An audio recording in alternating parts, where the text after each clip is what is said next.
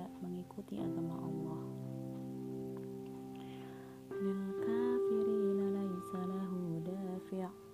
bagi orang-orang kafir yang tidak seorang pun dapat menolaknya.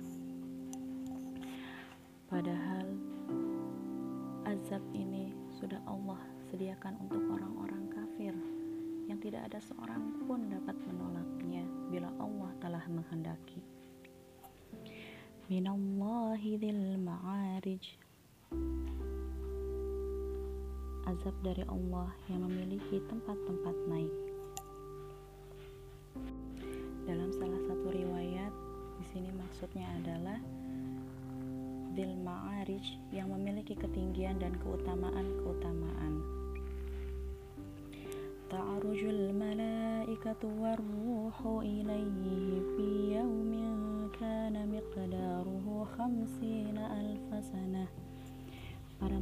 malaikat dan Jibril naik menghadap kepada Tuhan dalam sehari setara dengan 50 ribu tahun. Ruh di sini maksudnya adalah malaikat Jibril. Tetapi ada pula yang mengatakan mereka adalah makhluk Allah yang mirip dengan manusia, tetapi mereka bukan manusia. Dalam ayat ini ada beberapa pendapat yang mengartikan kadar 50 ribu tahun.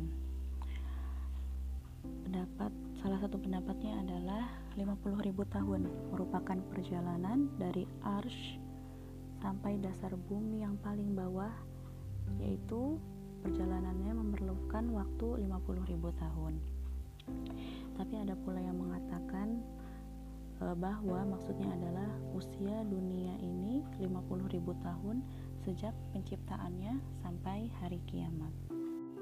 Ayat selanjutnya fasbir sabra jamila.